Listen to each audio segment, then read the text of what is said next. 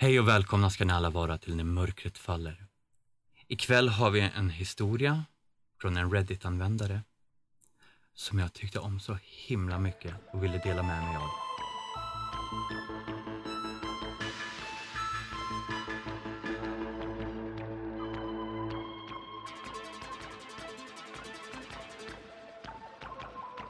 Jag pratar med hus. Av Winter Melon Corn Soup på Reddit. Jag pratar med hus. Det har jag gjort ända sedan ett försökte ta livet av mig. Varje hus har ett spöke i sig. Det är vad min mamma har sagt och jag har alltid vetat att det har varit mer än någon vanlig dum vidskepelse. Jag tror henne inte när hon säger att man måste be om ursäkt innan till trädandar innan man kissar i skogen eller att man måste undvika siffran fyra för allt i världen.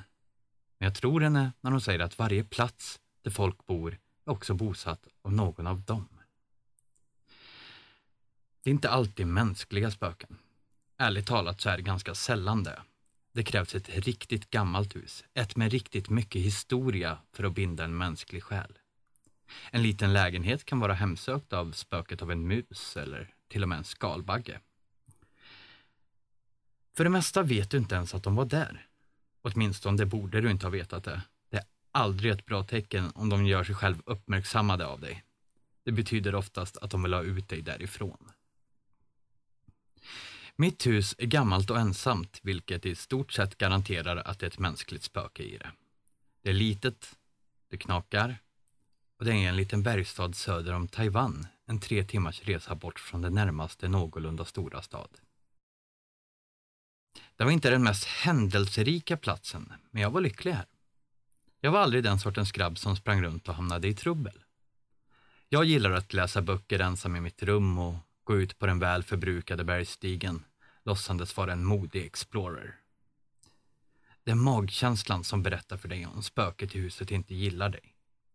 Har du någonsin letat efter ett hem, hittat det perfekta läget och planlösningen man kan tänka sig, men ändå inte skrivit på kontraktet för att någonting känts fel? Det är spökets sätt att säga till dig att lämna platsen. Om du inte lyssnar på varningssignalen ber du om olycka. Mina föräldrar var ganska säkra på att vårt spöke gillade oss, eller åtminstone tolererade oss. Ibland lämnade de gåvor till det. Det fanns de gånger jag upptäckte en skugga som inte var våran eller kände ögon tittande på mig i mörkret. Men jag var aldrig rädd. Det var liksom så jag visste att spöket var okej okay med oss. Som liten var jag väldigt feg och definitivt för rädd för att ens läsa creepypastas och spökhistorier som fanns på den tiden. Så faktumet att jag inte blev skrämd av plötsliga rörelser i ögonvrån gjorde mig självsäker nog på att vi hade ett välvilligt spöke. Tanken på att jag inte var ensam var faktiskt ganska lugnande för min del. På regniga kvällar när mina föräldrar inte var hemma kunde jag krypa upp i sängen läsandes och känna en närvaro i rummet och tänkte nästan på det som en vän. Det var därför jag kände mig förrådd när spöket försökte att ta livet av mig. Det hände så snabbt. Jag kom gående med näsan i en bok när jag plötsligt hörde springande fotsteg och såg en liten figur med långt mörkt hår över hennes ansikte, kastande sig ut ur skuggorna. Sen var det något som smällde in i mig och jag blev puttad ner för trapporna. Åtminstone var det antagligen det som var meningen, men jag högg tag i sidan av väggen precis i tid för att stoppa fallet. Jag tittade tillbaka precis i tid för att se figuren stampa över golvet på alla fyra med en rörelse som var onaturligt flytande. Hej! Så jag chockerat i ögonblicket med min ilska som slog ut min rädsla. Det var mitt spöke. Varför gjorde du så där för? Hon försvann in i skuggorna. Jag berättade ingenting för mina föräldrar om händelsen i rädsla över att vi skulle behöva flytta.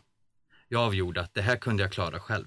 Jag hade uppenbarligen gjort något för att stöta mig med anden i huset och behövde därför också ställa saker till rätta. Efter att ha funderat ett tag på det så insåg jag vad problemet var. Jag hade nyligen kommit över ett gäng med, ja, snuskiga tidningar. En av mina vänner från skolan hade gett mig dem med en menande blick. Det var uppenbart att spöket var en tjej. Hon hade uppenbarligen fått för sig att jag var ett snuskigt äckel och hon gillade det inte. Jag gick ut tidigt en morgon och eldade upp dem på gården. Sen vände jag mig mot huset. Förlåt, sa jag. Jag var bara nyfiken. Jag är egentligen inte ett perverst äckel. Jag har inte ens kysst en tjej. Vindens ylande lät som en suck. Sen insåg jag att det var en suck. Samt att personen som suckat stod precis bakom mig. Jag skrek till i chock och vände mig om. Spökflickan tittade på mig. Här ute, i solens sken, när håret inte täckte hennes ansikte, såg hon inte ens död ut. Hon var ung, min ålder kanske, eller lite äldre. Jag vill inte skada dig, sa hon. I alla fall inte på grund av någonting du gjort. Jag var förstummad. Jag hade alltid vetat att hon existerat, så jag var inte chockad över det. Men andra skulle väl inte dyka upp i rent dagsljus och kunna prata med en? Uh, ja, bara... Vad bra, antar jag. Men varför gjorde du det? Vet inte du om att ett husspöke kan endast lämna huset om de finner någon annan som kan ta deras plats? Du älskar det här huset och är redan bunden till det. Om du dog här skulle du bli det nya husspöket. Ja, och du vill inte vara här, sa jag. Självklart inte. Jag blev mördad här och är bunden till huset av rent lidande. Oh. Jag la armarna i kors. Jag var ledsen, men det är inte mitt fel. Du har haft det bra här med oss, eller hur? Vi har alltid behandlat dig med respekt. Så jag tycker att det är väldigt elakt att du helt plötsligt får för dig att du ska ha ihjäl mig. Hennes ansiktsuttryck mörknade för ett ögonblick. Ansiktet förvrängdes till något nästan omänskligt och hennes tänder såg plötsligt väldigt skarpa ut. Min mage knöt sig i plötslig rädsla, men jag släppte henne inte med blicken. Plötsligt tittade hon ner. Ja, jag vet, men det är skillnad för dig. Du skulle vara lycklig här. Jag känner dig. Jag har känt dig hela livet. Du lever i din egen fantasi. Du älskar att vandra i den här skogen och blicka ut över sjön. Du har en lugn själ. Om du tog min plats kunde du stanna här för evigt och vara lycklig. Jag öppnade munnen för att säga emot, men stängde den lika fort. Hon verkade faktiskt känna mig ganska väl. Det fanns många tillfällen, tysta stunder bland träden, lyssnande på vinden, då jag önskade att jag kunde stoppa tiden. Vad skulle hända med dig? sa jag till slut. Jag vet inte. Jag antar att jag skulle hamna där normala, döda människor hamnar. Eller så kanske jag helt enkelt slutar existera. Jag vet inte mer än du, men jag skulle inte ha någonting emot att inte existera. Inte? Tanken på ingentinget. Det blanka. Svarta, ändlösa, oexisterande. Det var skräckfyllt för mig. Jag brukade stanna uppe hela nätterna i försök att greppa faktumet av att falla i glömska. Visst var det omöjligt att föreställa sig, men jag kunde inte låta bli att försöka. Nej, sa hon. Jag önskar att jag aldrig var född. Vi tittade på varandra i tystnad. Solen hade börjat gå ner och mina föräldrar skulle snart vara hemma. Hur länge har du varit här? frågade jag till slut. Jag vet inte. En väldigt lång tid tror jag. Jag har sett många födas och dö här. Ja, du har varit här minst ett dussin livstider alltså. Jag är bara 13. Jag är inte redo att dö och bli en ande. Jag vill inte göra mina föräldrar olyckliga och jag vill kunna hinna se världen. Jag vill leva länge, prova att jobba på kontor och kanske bli någonting viktigt. Men jag lovar att när tiden kommer då jag är redo att dö så kommer jag komma tillbaka hit. Och du kan ju vänta åtminstone en livstid till.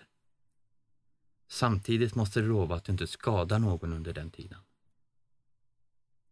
Hon var tyst en stund. Okej, sa hon. Jag lovar.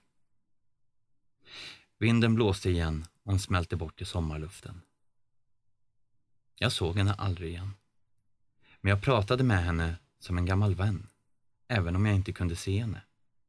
Jag visste att hon var där och lyssnade. Jag berättade första gången jag fick mitt hjärta krossat och kunde då känna en tröstande hand röra mitt hår och grät höjdlöst in i min kudde. Jag gnällde till henne om dumma lärare när jag gjorde min läxa sent på kvällen. Och när jag var 18 och fick mitt antagningsbrev till drömuniversitetet i USA berättade jag för henne att jag skulle åka över havet för att studera. Den natten hörde jag gråtande genom huset. Det var 70 år sedan. Jag har levt väl. Jag har fått mina diplom och mina betyg och jag bodde i USA tio år innan jag fick ett jobb i Shanghai. Jag gifte mig och fick två barn och senare i livet fem barnbarn. Jag har levt bra nog för att lämna efter mig ett ganska stort arv. Mina föräldrar bodde i det huset i många år efter att jag flyttat ut och spökflickan höll sitt ord att inte skada dem. De berättade till och med om en konstig händelse. De hade kommit hem efter en resa för att upptäcka att de haft inbrott men ingenting saknades och det var blodfläckar längs golvet. Polisen undrade om de hade en hund eftersom det verkade som att inbrottstjuven hade skadats och lämnat hastigt. Vi har aldrig haft en hund. Jag har haft många hem sedan dess. Lägenheter, studentkorridorer, stora hus. Jag har alltid pratat med dem. Jag har alltid hälsat andarna vänligt när jag kommer genom dörren och pratat med dem medan jag tagit hand om disk och tvätt och allt man nu gör i ett hushåll. Jag har sagt hejdå när jag har lämnat och jag har tackat dem för att ha sett efter mig. Jag har haft en väldig hemlängtan på sistone. Min fru har varit död i tre år nu och mina barn har alla vuxit upp och är framgångsrika. De skulle alla klara sig bra, även om jag inte var här. Jag har hälsan i behåll, men i min ålder vet man aldrig vad som kommer att ta en. Det är ingen idé att ta reda på heller. Jag tror att det är dags att åka hem. Jag vet att de väntar på mig. Och jag saknar det gamla huset, bergsluften, skogen och alla de bekanta stigarna. Jag är redo nu att hålla mitt ord, för jag vill aldrig försvinna i tomma intet.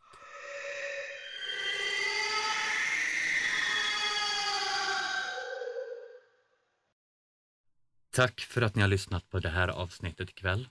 Glöm inte att följa oss på Instagram, nmfpodd, eller på Facebook, När mörkret faller. Vill ni kan ni även donera för att hålla podden vid liv och länk till det finns på nmfpodd.se. Tack för att ni lyssnar. Vi hörs nästa vecka. Hej då huset. Música